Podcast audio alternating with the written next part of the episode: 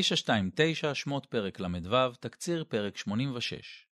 התרומות הרבות למשכן שהחלו להיאסף בפרק הקודם לא מפסיקות להגיע.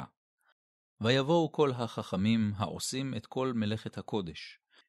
ויאמרו אל משה לאמור, מרבים העם להביא, מידי העבודה למלאכה אשר ציווה אדוני לעשות אותה. פסוקים ד' עד ה'. משה מפרסם צו שדי, מספיק, ויקלה העם מהביא. פסוק ו'.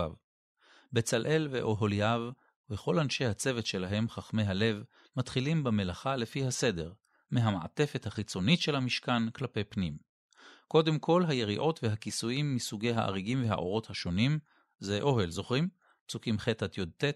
אחר כך, קרשי העץ שיוצרים את מסגרת המשכן. קרשים אלה מיוצבים באדני כסף ומוחזקים בבריחים המצמידים אותם זה לזה, פסוקים כ' עד ל"ד. כשהמסגרת מוכנה, מכינים את המסקים.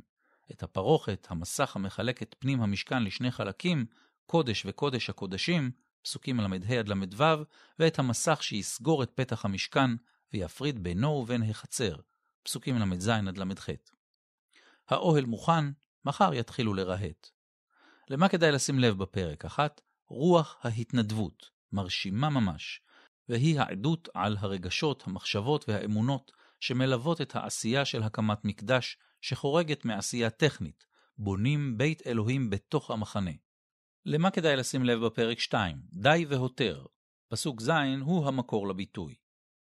למה כדאי לשים לב בפרק 3? הכל זהב? לא.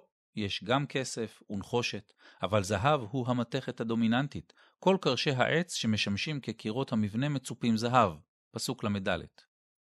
ולמה כדאי לשים לב בפרק 4? בית להרכבה. המשכן הוא מקדש נודד, וככזה חשוב ביותר אפשרות הפירוק וההרכבה מחדש. בפרק שלנו זה בולט במיוחד בקירות העשויים קרשים קרשים ומיוצבים באדנים, יסודות ניידים. את התקציר כתבה מרים בלומנטל.